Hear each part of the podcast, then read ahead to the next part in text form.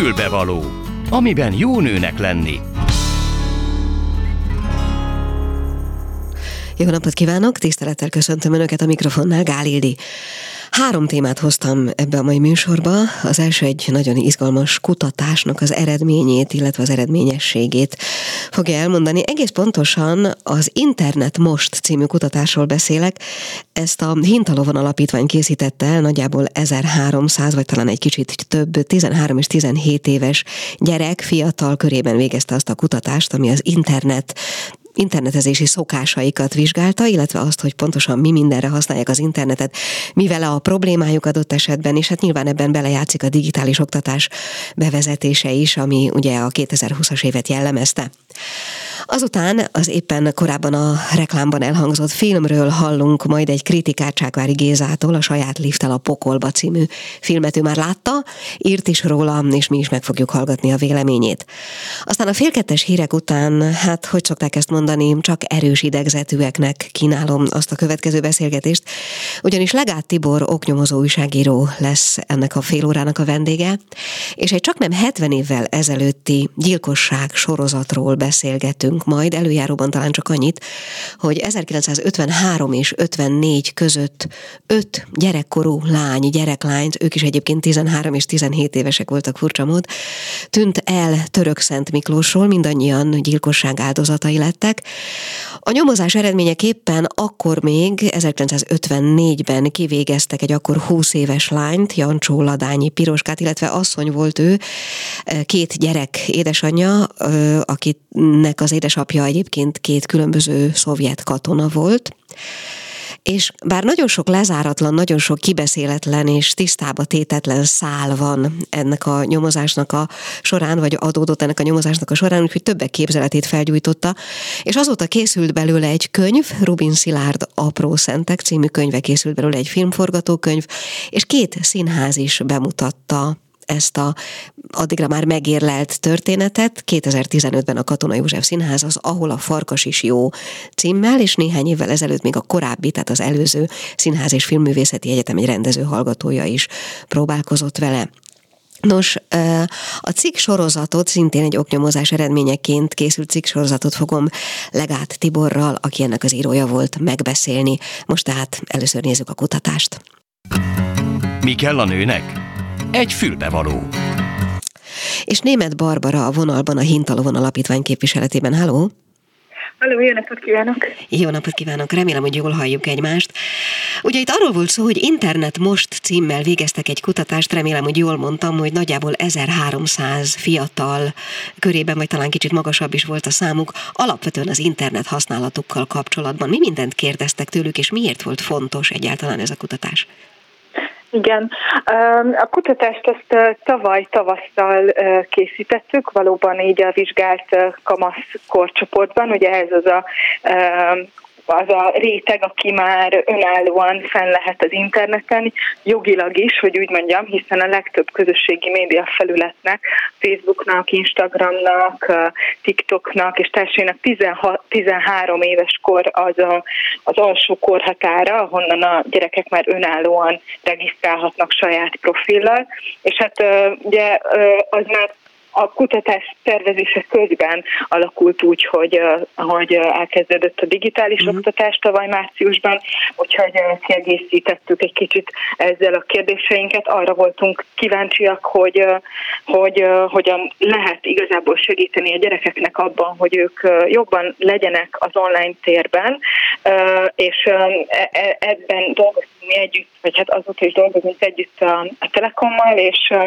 és azt mondtuk, hogy hát nélkülük erre nagyon nehéz választ adni, nagyon fontos, hogy minden őket érintő kérdésben kikérjük a véleményüket. Uh-huh. Úgy gondolom, hogy azért a, a vírus minden szempontból új helyzetet teremtett, mert azért korábban, hogy mondjam, szabad akarat alapján használták az internetet. Itt ugye meg nyilván a, a távoktatás miatt sok szempontból kötelezővé vált. Vizsgálták azt, hogy az internethez való hozzájutás mennyire oszlik el az országban?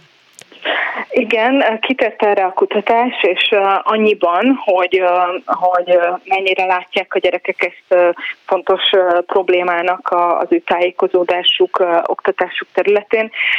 Ugye azért hozzá kell tenni, hogy ez egy online felmérés volt, tehát ebben a tekintetben nem azt gondolom, hogy nem ez a, nem ez volt a fókusz, legmérvadóbb persze. válasz, Értem, hiszen azokat értek el, akik amúgy is az online térben vannak, de még így is láttunk nagy területi különbségeket, és egyébként nem csak területi szinten, hiszen a kutatás egyébként település típusra, megyére és korosztályra volt és nemre volt reprezentatív, de hogy, hogy láttuk azt, hogy a, a, a lemaradottabb régiókban nyilvánvalóan, illetve a szakközép iskolákban, szakgimnáziumokban, szakiskolákban ez sokkal nagyobb problémát jelent. Ami ennél izgalmasabb volt viszont, tehát így a kutatás jellegéből adódóan az az, hogy, hogy, hogy mi az, ami zavarja a gyerekeket az interneten, így mondjuk a biztonságos használatuk szempontjából, szempontjából, és hogy egyáltalán mennyire érzik magukat ott annak. Azt láttuk, hogy minden ötödik gyerek mondta azt, hogy ő nem érzi magát biztonságban az interneten, és igazából ebben nem is annyira a, a kortárs zaklat, vagy hát az online zaklatás, bántalmazás az, ami ami nagyon aggasztja őket, hanem, hanem az, hogy, hogy nem tudják, hogy hogyan különítsék el a megbízható információkat, az álhíreket, a valódi megbízható, vagy hát a tény alapú információktól, illetve a, a megbízható embereket azoktól, akik, akik mondjuk másnak adnák ki magukat. Úgyhogy például ez, ez szerintem egy ilyen izgalmas része, hogy sokszor az aklatásra, bántalmazás kutatásra fókuszálunk, és azt is láttuk, hogy ebben az esetben nem csak nem lehet annyira nagyon ugye elkülöníteni az online meg az offline teret, nem annyira ettől ezen a téren válik el, hogy a gyerekek mondjuk ott hogy érzik magukat, hanem inkább a közektől. Tehát a kortársak körében offline vagy, vagy online, a családdal beszélve online vagy offline, idegennel beszélve az utcán vagy a, a, a neten, ezek nagyon összeértek ezek az adatok. Tehát nem annyira az számított, hogy ez most az online térben történik. Viszont, viszont hát így is, így is azért ez a, a minden ötödik gyerek ezt így, így érzi, ez, ez egy fontos dolog volt, és hát nagyon felhívja a figyelmet arra, hogy, hogy szükség van a gyerekekkel tájékoztatni arról, hogy, hogy fel tudják ismerni a megbízható információkat, és, és, és azt is nagyon kiemelték, hogy miután ők ebben a témában elsősorban már a, a weben tájékozódnak, másodszorban a szülők másodszorban a kortársaktól, és harmadjára a szülőktől, e, és még az influencerek is megelőzik a, a tanárokat, e, ezért, e, ezért nagyon fontos lenne, hogy, hogy a, olyan netes, tehát olyan tájékoztató oldalak, kampányok induljanak, ami, ami a, a, amit a gyerekek ugye online elérnek, hiszen ott tájékozódnak erről, és meg kell erősíteni az olyan kortárs segítő programokat, vagy az olyan kezdeményezéseket, ahol a, a gyerekek saját tudására építünk, hiszen ők is nagyon fontos információi forrásai valójában egymásnak. Igen, bocsánat, nekem én is elolvastam egyébként a kutatásnak az eredményét, és nekem meg az volt a meglepő, hogy amikor arról kérdezték őket, hogy a szüleik hogyan viszonyulnak az ő internet használatukhoz, akkor abból valami olyasmi derült ki, hogy elsősorban nem a tartalmat igyekeznek korlátozni, vagy felügyelni, vagy bármilyen formában egyáltalán figyelemmel kísérni, hanem kizárólag az interneten töltött időt.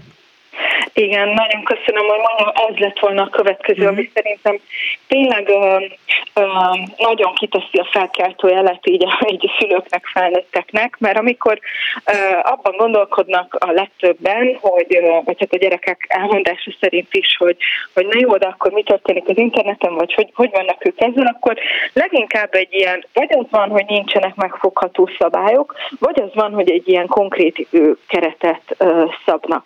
Um, viszont viszont a gyerekek 40%-a amúgy is elmondta azt, hogy ő úgy érzi, hogy ő túl sok időt tölt a neten, hm. tehát a gyerekeknek majdnem fele amúgy is küzd azzal a nehézséggel, hogy, hogy ő, neki elég lenne, köszöni szépen ez az internetezés. Ugye pláne ugye ez itt akkor volt, mikor a gyerekek online ö, oktatásban vettek részt, tehát hogy, hogy hogy nekik ez, ez nehézség volt ez erről úgymond így lejönni, vagy nagyon nehéz az, hogy ugye elmondták, hogy elsősorban kapcsolattartásra használják a, az internetet, de hát ugye akkor mégis, amikor minden ott történik, az amúgy is sok. Úgyhogy a szülők nem azzal segítik igazán a gyerekeket, hogy, hogy percre pontosan mondjuk meghatározzák, hogy, hogy na jó, akkor most elég, vagy például ha nem is előre van ez meghatározva, hogy napi egy órát mondjuk ne teszed, azt, hogy mondjuk hirtelen a szülő megunta, hogy jaj, de még mindig azt nyomkodod, ránézem, elveszem. Tehát ez lehet, hogy úgymond ilyen következetlen is. Hát meg a hogy, büntetés hogy eszköze is olvastam, hogy sokszor az, hogy korlátozzák az internetre fordítható időt, vagy egyszerűen elveszik a telefont. Igen, igen, uh-huh. igen, de az, hogy ott, ott egyébként mi történik, és hát mi magunk is tudjuk, hogy mennyi mindenre használjuk az internetet, ott vásárolunk, bankolunk, nem tudom, e-mailezünk, dolgozunk, kapcsolatot tartunk, és minden szórakozunk, videót nézünk, és a gyerekek ugyanezt csinálják, és csak a szülőknek egy töredéke volt az, aki, aki igazán érdeklődést mutatott a gyerekek élményei szerint, elmondása szerint, afelé, hogy ott, ott valójában mivel töltik az időt, hogy, hogy miket mhm. követnek, igen, a tartalomra vonatkozóan, és hogy, és hogy, hogy az is egy érdekes összefüggés volt, hogy, hogy minél többet tehát, hogy nagyon sok gyereknél, nagyjából 20%-a a gyerekeknek mondta azt, hogy egyáltalán nem beszélnek erről az egészről a szülőkkel. És minél meg, meg is kérdeztük, hogy mennyit beszélnek velük, uh, hogyha ha igen. Itt is 40% volt, aki azt mondta, hogy csak 5-10 percet. Egész élet, eddig egész életükben 5-10 percet beszéltek erről. 40% a gyerekeknek. És amikor, a, a, amikor néztük, hogy aki a magasabb olyan válaszokat adott, hogy ők több időt töltenek vele, hogy ott mivel függ össze a válasz, és azért, hogy minél többet beszélnek róla, annál inkább előjön az, hogy ott mit csinál, hogy hogyan áll, vannak ott a beállításai, és így tovább. Tehát amikor először minden, minden, úgy tűnik, hogy mindenki onnan indul, hogy így a keretek, hogy egyáltalán így mennyi, mennyi idő, amit ott tölthet, de, de, de a minőségi kérdés az már csak sokkal később, és hát nagyon ritkán kerül mhm. elő. Hát nyilván akkor ez azt jelenti, hogy van ezzel kapcsolatban tanulni valónk a szülőknek, nagyszülőknek, nem tudom, felnőtteknek is a gyerekeink internet, internetezési szokásait illetően, és hát nyilván először nekünk kell egy kicsit jobban tájékozódni ezzel kapcsolatban. Halló? Igen, igen, igen. Nagyon uh, probléma az, hogy, hogy hát soka, sokszor felnőttként sem tudunk arra lehet, uh, nem tudom, teljesen tájékozott választ adni, hogy jó, hát akkor hogyan ismerjük fel pontosan az álhír. Igen, nyilván erre gondoltam, hogy a saját viszonyunk a dologhoz tisztázandó még.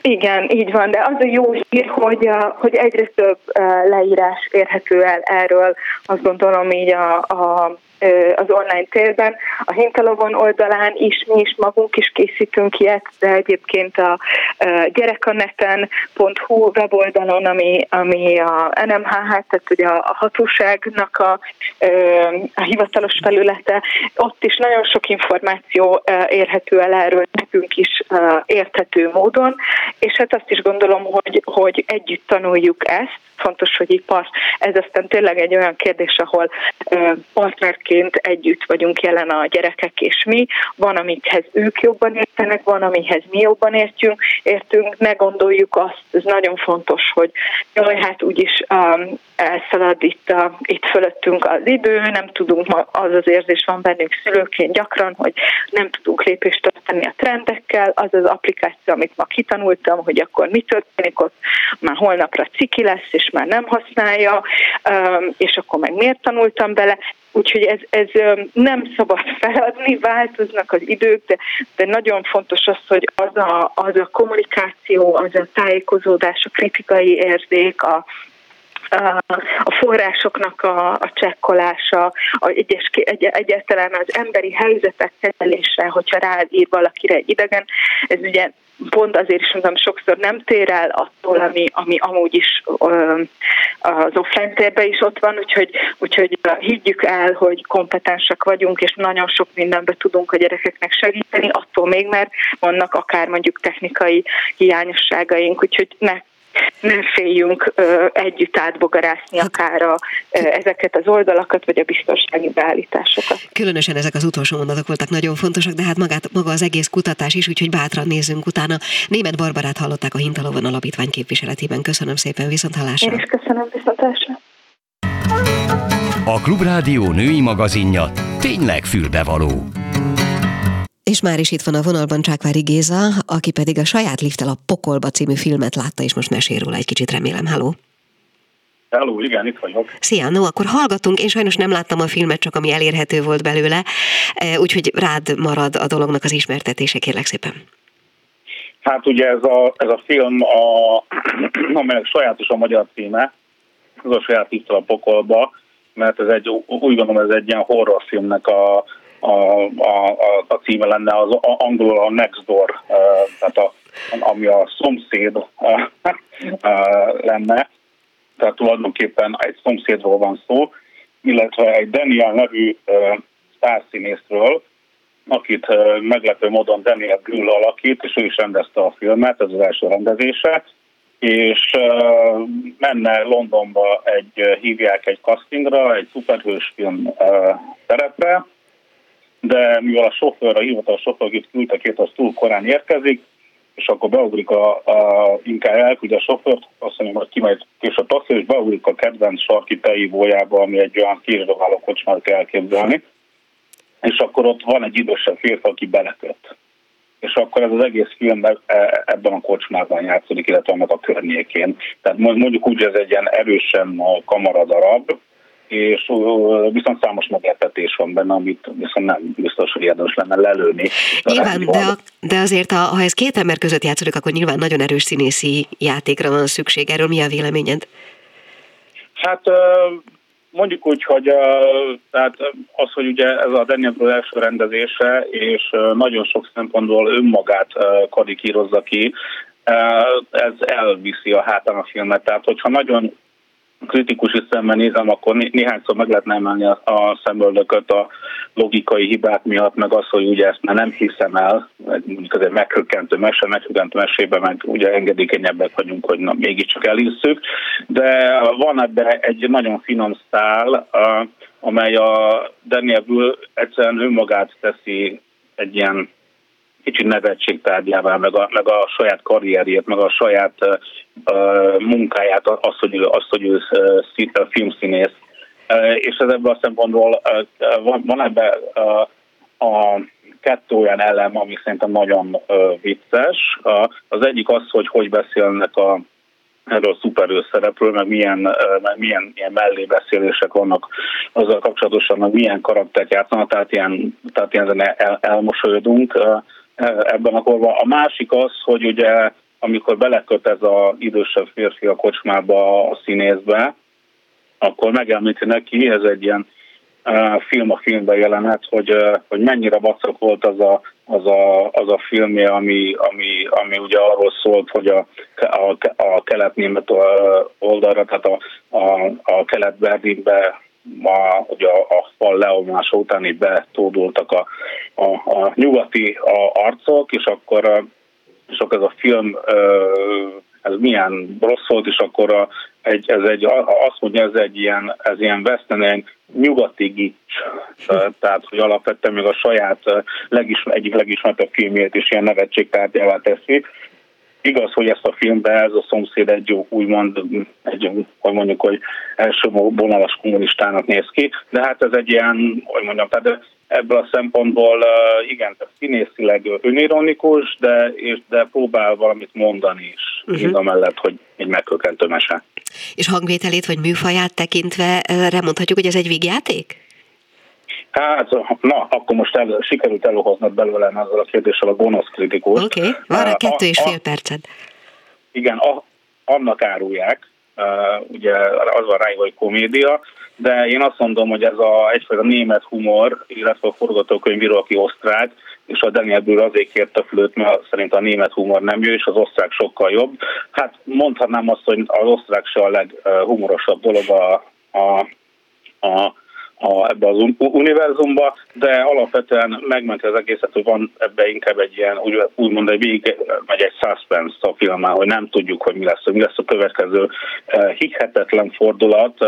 Én inkább azt mondom, hogy néhányszor lehet rajta mosolyogni, ugyanakkor meg, meg a mondani valója, illetve illetve az, hogy szembeállítja ugye a nyugatot a kelettel, ez számunkra egy külön izgalmat is jelent, tehát a thriller elem mellett még egy kicsit, kicsit kelet-európaiként eh, ezt tudjuk értékelni, miközben tényleg egy nyugat-német csinálta. Uh-huh.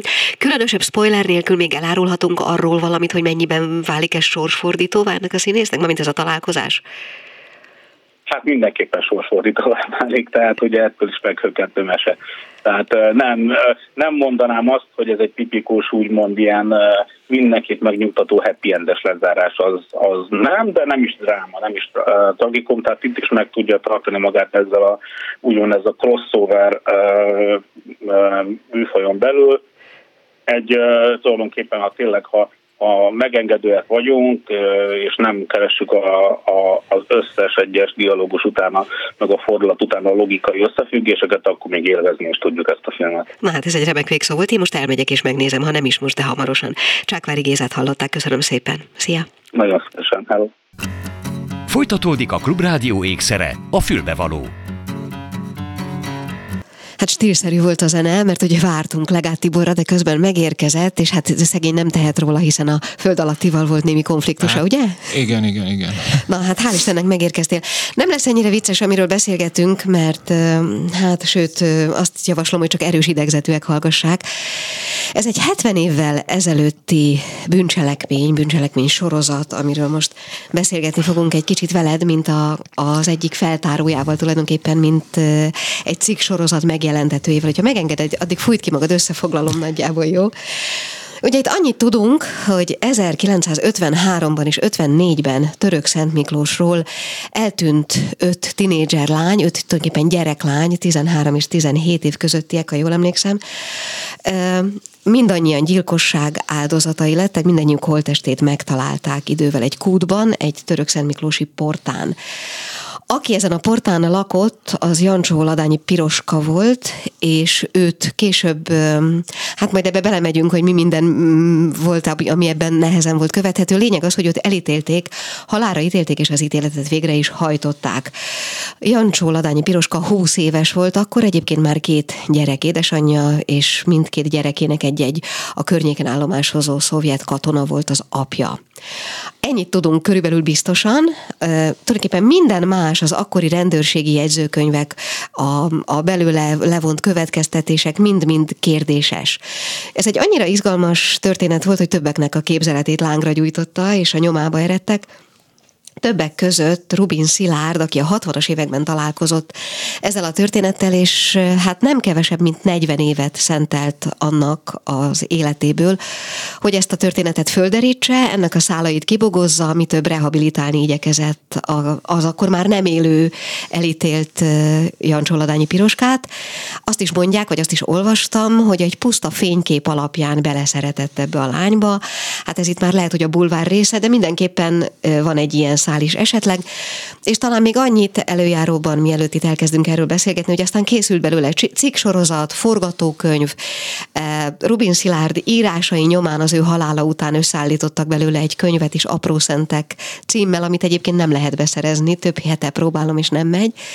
És végezetül készült belőle két színházi előadás is, Német Gábor minden adat és információ alapján írt belőle egy szövegkönyvet, amelyet 2015-ben az Ahol a Farkas is jó címmel bemutatott a Katona József Színház, és egy ennek az átiratát, vagy hát a, a hasonló anyagokból dolgozva született még egy előadás 2019-ben a Színház és Filmművészeti, az akkori Színház és Filmművészeti Egyetemen egy rendező hallgató munkájaként.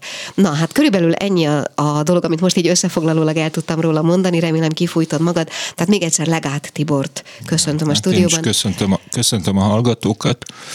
Az, onnan kezdjük talán, hogy amikor te találkoztál ezzel a történettel, akkor ez számodra mitől volt izgalmas? Hát az az érdekes, hogy hogy, hogy találkoztam ezzel a történettel, ugyanis A Blick című bulvárlapban találtam egy cikket, vagy láttam egy cikket, híres magyar sorozatgyilkosságok, ez volt a címe, és hát, hát tulajdonképpen itt egy felsorolás volt, és ezek között szerepelt ez az ügy is.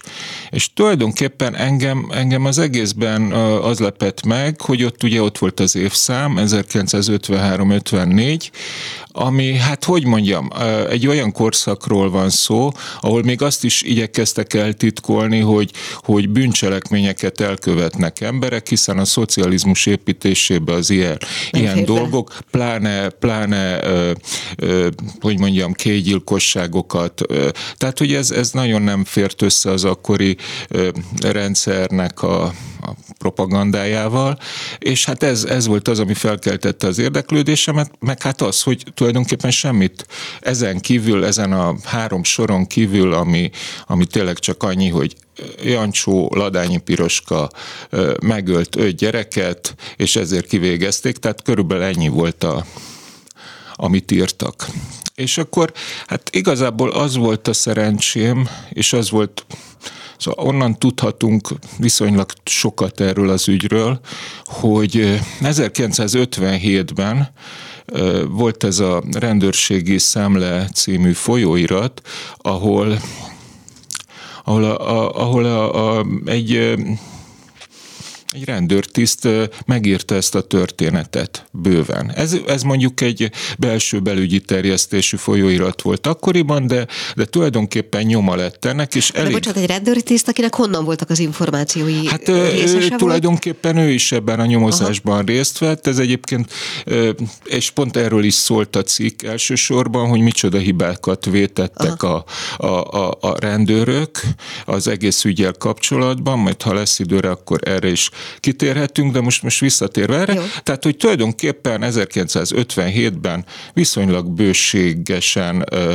megírták ezt a történetet, tehát, hogy ö, majd utána 1965-ben megjelent a, a, akkoriban egy ilyen belügyi sorozat, megjelent a különböző esetleírásokkal, ami a 20 év a, a, a nép szolgálatában valami, ez volt a címe a sorozatnak, és a szocialista vagy a, a hogy mondjam, háború utáni rendőrség 20 évéről szólt, és a híres bűncselekményeket dolgozta föl, és itt is volt egy, hát egy ilyen, a, talán a legdurvább kötet az, ami, amiben kégyilkosságokról ról számolnak be, és hát itt is, itt is meg, tehát tulajdonképpen ennek a ennek a történetnek a leírása megvolt. Én ennyit tudtam az egészről, és akkor hát annyi, hogy miután olvastam ezt a rendőrségi szemlés anyagot, fölkeltette az érdeklődésemet, ugyanis például olyan dolgok is történtek, ami, ami, ami már ebből a rendőrségi cikkből derült ki, hogy a felháborodott lakók, a török Szent Miklós lakossága tüntetést uh-huh. szervezett. Azért 1953-ban tüntetést szervezni, ez gyakorlatilag akkor, hát én ez ilyen 2000-es évek közepén kezdtem el ezzel foglalkozni. Hát nekem ez felfoghatatlan volt, hogy hogy, hogy, hogy, hogy lehetett 1953-ban tüntetni Magyarországon. Arról, bocsánat, azt olvastam, hogy az a hírja, tehát találtak valakit a kukoricásban, egy szeretkező párt, vagy valami efféle, akiket bevittek a rendőrségre, és mivel úgy terjedt el a városban, hogy megtalálták a gyerekgyilkosokat, ezért aztán ott egy ezernél is nagyobb számú tömeg gyűlt össze, hát és hát ez van. ijesztő volt nyilván. Így van, így van, tehát hogy, hogy, hogy ez az eset is érdekes volt, volt, a másik része pedig az volt, hogy, hogy ugye, ugye a vérvád igen. szerepelt ebben az egész dologban, ami, ami megint egy olyan, hogy, hogy, hogy, hogy, hogy mikor került ez elő, a tízes években beszéltek elő. Tehát az, hogy az ötvenes években ilyesmi még, még, még fölmerülhetett, az pláne úgy, hogy azért a második világháború után vagyunk, ez is, ez is egy ilyen nagyon, nagyon megrázó része volt, túl azon, ami egyébként meg történt. Bocsánat, ezt a vérvád dolgot is kérlek pontosítsuk, nem biztos, hogy mindenki pontosan tudja, hogy hát, arról van szó, hogy a lakosság körében elterjedt azt, hogy a, a, a zsidók ölték meg a, a, a gyerekeket, hogy a különböző... Zsinagógát újjáépítsék, vagy valami ilyesmit olvastam. Hát igen, igen, igen, igen, igen. Tehát, hogy, hogy ez, ez, ez, ez is pörgött. Úgyhogy ezek a dolgok megvoltak, és akkor, akkor kiderült az is, hogy a, a szolnoki levéltárban megvan ennek a, ennek az egész ügynek a, a nyomozati, illetve a bírósági anyaga. Ezeket elolvastam, és akkor ott derült ki az, hogy amit a, elég vicces volt, hogy a, ugye az 57-es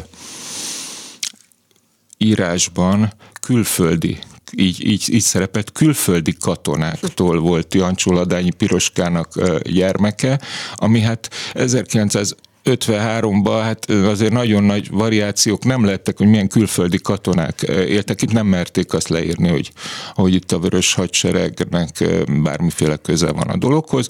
A, a nyomozati anyagban természetesen ez benne volt, sőt benne volt olyan lefoglalt fénykép is, amin vélhetően a, az egyik gyermeknek, a, mert két, két orosz katonától volt a két gyerek, az egyik katonának a fotója is. Uh-huh.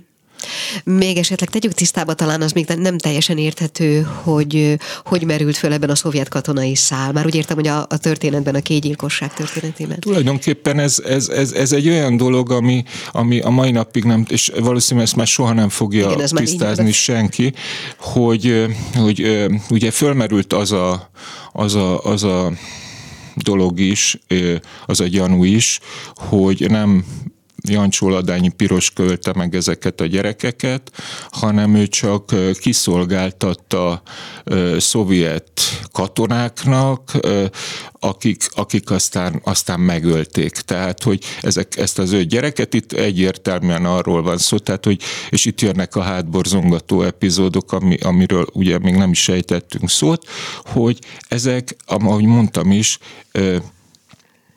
kégyilkosságok voltak, erőszaktevések voltak, és, és, és hát egy, egy, egy borzalmas háttere volt, és tulajdonképpen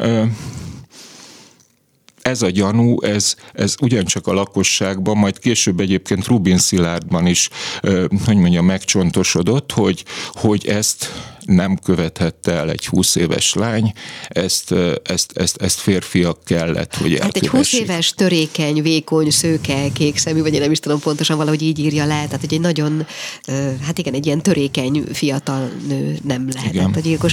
Ugye ő arról írta ezt, vagy hát hozta létre a könyvedből szolgáló anyagokat, hogy bizonyítsa, hogy ez alapvetően egy koncepciós per volt. Igen, tehát Valószínű az, próbálta. tehát hogy én, én, én, én megmondom őszintén, tehát nagyon furcsa volt, mert én, én azt, hogy Rubin Szilárd ezzel foglalkozott, erről nem tudtam, amiben az a az a rossz, vagy az a szomorú, hogy amikor én ezzel elkezdtem foglalkozni, akkor Rubin Szilárd még élt. Igen. De én hát én nem, nem, nem tudtam, hogy ő, ő neki ez volt a, vagy a főművét ő, ő Hát 40 évet foglalkozott. Igen. És hát igazából, amikor, amikor a hagyatéka előkerült, akkor, és ugye ezek eh, kiderültek, akkor tudtam meg, hogy ő, ő rengeteget foglalkozott ezzel az ügyel, de, de úgy is, hogy beszélt, beszélt a, a, a szülőkkel. Meg az a, akkor még ugye általa igen. elérhető hát igen, mert ő a 60-as, év, 60-as évektől Aha. kezdte el, tehát akkor még éltek, a, éltek az áldozatok szülei, sőt élt Jancsó Piroskának az anyja is, aki egyébként szintén vádlottja volt ennek hát a, sőt, az azt ügynek. első körben őt is igen, halára őt is ítélték, halára és ítélték. aztán.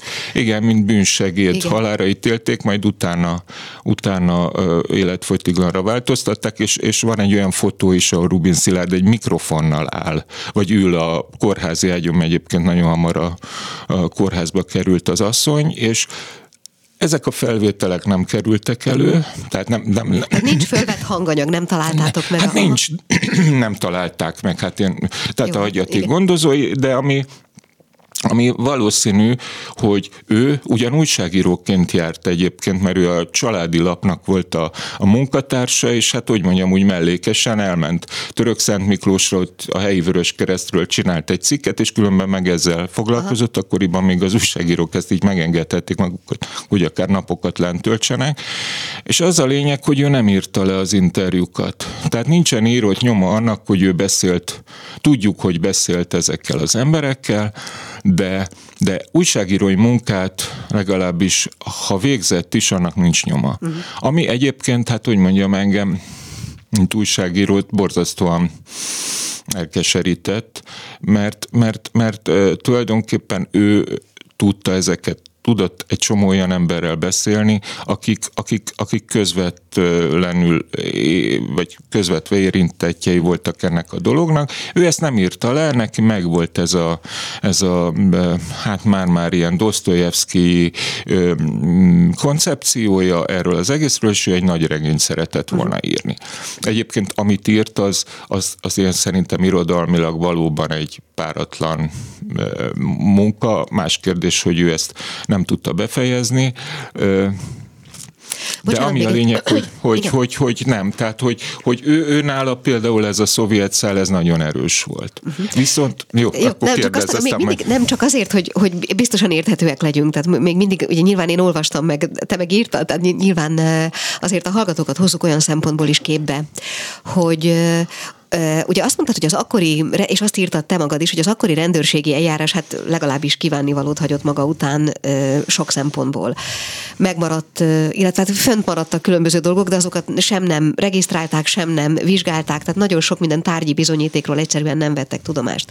Valójában ezt az ítéletet, ami alapján elítélték Piroskát, az egy a tanúvallomások, illetve az ős személyes, többszörösen megváltoztatott vallomása volt. Erről kérlek beszéljünk egy kicsit, hogy ő maga is mit mondott, illetve milyen, milyen ember volt, vagy mit tudunk róla? Hát amit, amit, amit talán a legfontosabb ebben az egészben, hogy Ugye ő az anyjával élt valami elképesztő nyomorúságos körülmények között. Az anyja, neki utcaseprő volt, pontosabban a, a, a, a, a nagyanyja utcaseprő volt, és az anyja az pedig ugye a 30-as években, hát szóval valójában soha, azt hiszem soha nem házasodott meg, több gyereke is született, több, több gyerek született halva, és, és tulajdonképpen ketten maradtak.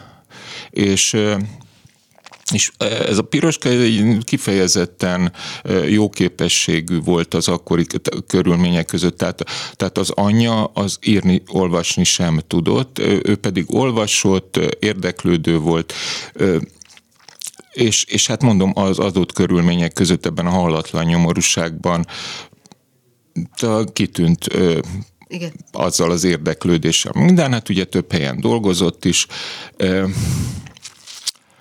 és hát igazából elég hamar, hogy mondjam, felnőtté vált most abból a szempontból, hogy ugye, ugye 45 után ott egy ilyen kis helyőrség volt Török Szent Miklóson a, a Vörös Hadsereg részéről, és ő, illetve más lányok is oda rendszeresen jártak.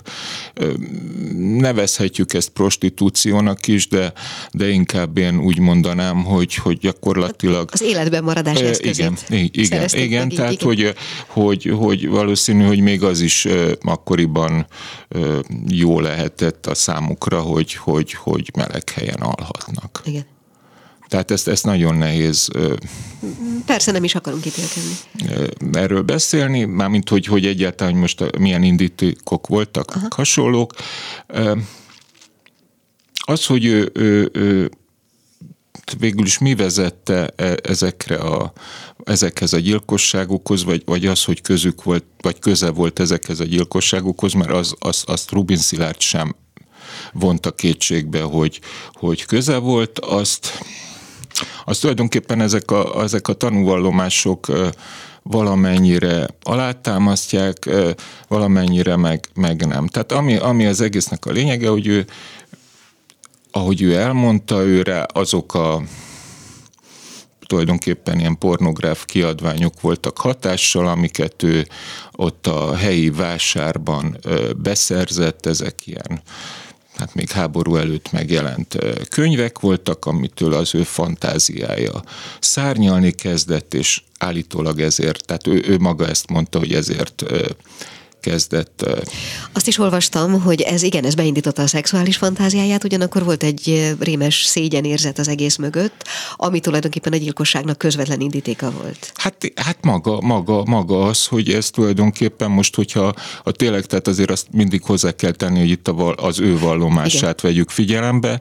Itt, itt, itt maga az, hogy ő maga szégyelte azt, hogy ő egy, egy, egy leszbikus cselekményt hajt végre. Igen. És ezt nem tudom másképp mondani. Tehát ő emiatt szégyenkezett, hiszen ő neki közben rengeteg férfi kapcsolata volt, és neki ez volt a, a a, a, a, ez jelentette a szégyent, hogy ő ezeket a kislányokat hát szexuálisan ö, abuzálta.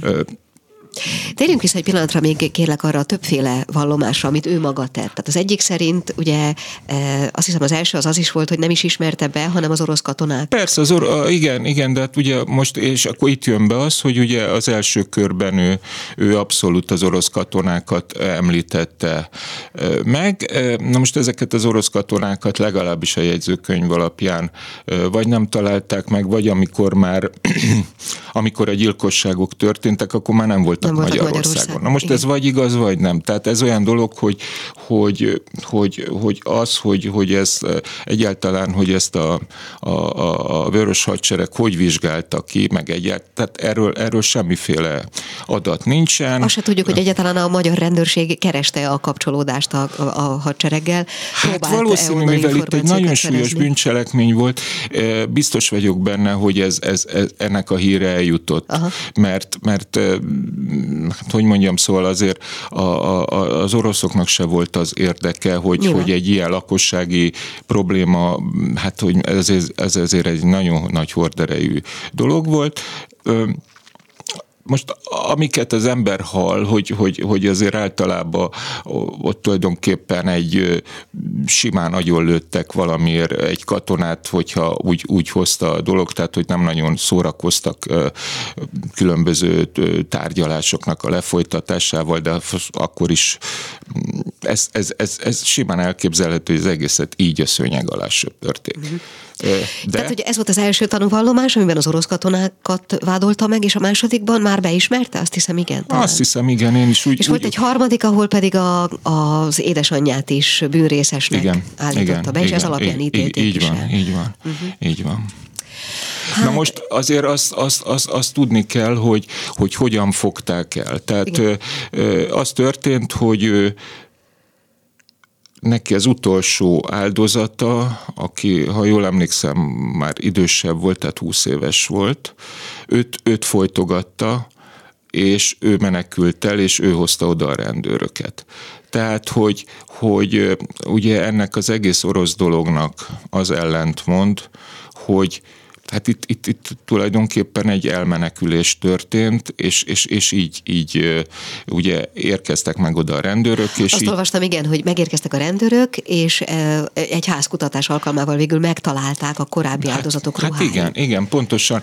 Tehát, hogy, hogy itt most megint az, az, azokról a mulasztásokról is érdemes beszélni, mi korábban volt. Tehát az, amikor eltűnt... Már rendőrségi mulasztásokról. Igen, rendőrségi igen. mulasztásokról van szó. Tehát amikor eltűnt mondjuk az első kislány, akkor Piroska abban a cipőben járt, amit tőle elvett. Hm. Semmi nem Senkinek tűnt. nem tűnt fel. Az öt ügyet külön kezelték. Tehát nem az volt, hogy, hogy összevonták volna az egészet, hanem minden, minden egyes esetben az volt, hogy hogy, hogy, hogy hát eltűnt a, a, gyerek, biztos valahol elcsavargott, tehát nem vonták össze az ügyeket. Tehát ilyenek voltak, és valóban, amikor, amikor ez a házkutatás történt, akkor, akkor megtalálták azokat. Azt is olvastam, a... hogy, hogy a rendőrség úgy járt el, hogy még személyleírást sem kértek az eltűnt gyerekek szüleitől, meg ruha vonatkozó meg semmit, hanem csak járt egy hangos autó igen. a városban, ami igen, igen, igen. mondott róla. Igen, és hát tulajdonképpen őket. így, így, így alakult ki egy ilyen lakossági pánik is az egésznél, tehát a végén már tényleg az volt, hogy nem engedték ki a, a, a gyerekeket az utcára, egy hatalmas félelem volt, sőt annyira, annyira nagy volt ez a félelem, hogy én lementem akkor Török-Szent Miklósra, és beszéltem ott, akik ott éltek már az 50-es években, hogy, hogy hosszú ideig a gyerekeket ezzel ijesztgették ott. Tehát, hogyha rosszak voltak, hogy, hogy jön a piroska és elvisz téged. Tehát, hogy, hogy, hogy ez ennyire beivódott ott a, a, a köztudatba, de, de mondom, az egészben tényleg, hogyha csak a rendőrségi jegyzőkönyveket nézzük, akkor, akkor nem férhet ahhoz kétség, hogy ő követte el. Hm. De... Igen. Mondd, 70 év, mert csak nagyon kicsi időnk van már, csak 70 év távlatából, illetve te azért nem 70 év távlatából foglalkoztál vele, hanem hát nagyjából 10 éve? 15 éve mondjuk. Aha. Meg hát ugye Rubin Szilárd, aki a 60-as években kezdett el ezzel foglalkozni. Meg tudjuk azt fogalmazni, hogy ez innen nézve, mostanról nézve mi, mi mindent mutat? Nyilván mutat egy képet az akkori rendőrség állapotáról, a, hát, nyilván a közállapotokról hát nekem, is nekem sok most ez, ez, ez lehet, hogy furán hangzik, de végülis két olyan dolog volt, ami az egyik az a hallatlan nyomor, ami az 50-es években Magyarországon az Alföldön volt. Tehát ugyanazt tehát hiába ugye, amikor hallod, vagy olvasunk ezekről a TSS-ítés, meg nem tudom, földosztás, meg akármilyen dolgokról, tehát a nyomorúság ugyanolyan volt, vagy még nagyobb, mint amiről, amiről Móri Zsigmond írt a 30-es években. Tehát ez például ez, ez, ez, ez, ez döbbenetes volt. A másik pedig az, hogy, hogy tulajdonképpen a, a piroska figurája egy, egy, egy abszolút pszichopatát mutat. Na most női pszichopat, tehát pszichopata nőkről szinte nem is tudunk. Olvastam egyébként egy ilyen mondatot is, talán, ezt most meg nem mondom, hogy kinek a tollából, hogy az, hogy egy nő szexuális típusú gyilkosságot kövessen el férfi behatás nélkül, ez szinte lehetetlen.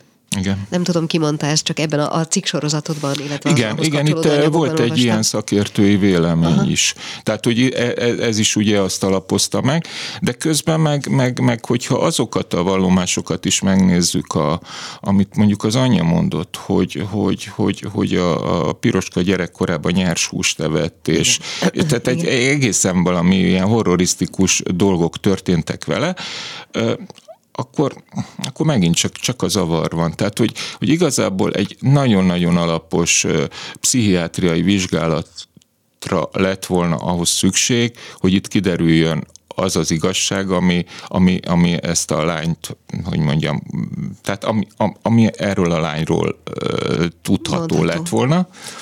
Úgyhogy... Sajnos az a helyzet, hogy lejárt az időnk. Tulajdonképpen azért leírtunk egy kört ezzel kapcsolatban, talán megtudtunk dolgokat, érdemes erről tovább gondolkodni, illetve utána nézni is. A mai fülbevalóban először német Barbarával beszélgettünk az internet most kutatással kapcsolatban, aztán hallottunk egy filmkritikát, végül pedig Legát Tibor oknyomozó újságíró volt a vendégem. Tartsanak velünk jövő héten is, Gálildit hallották. A Klubrádió nem csak nőknek szóló magazinját, a fülbevalót hallották.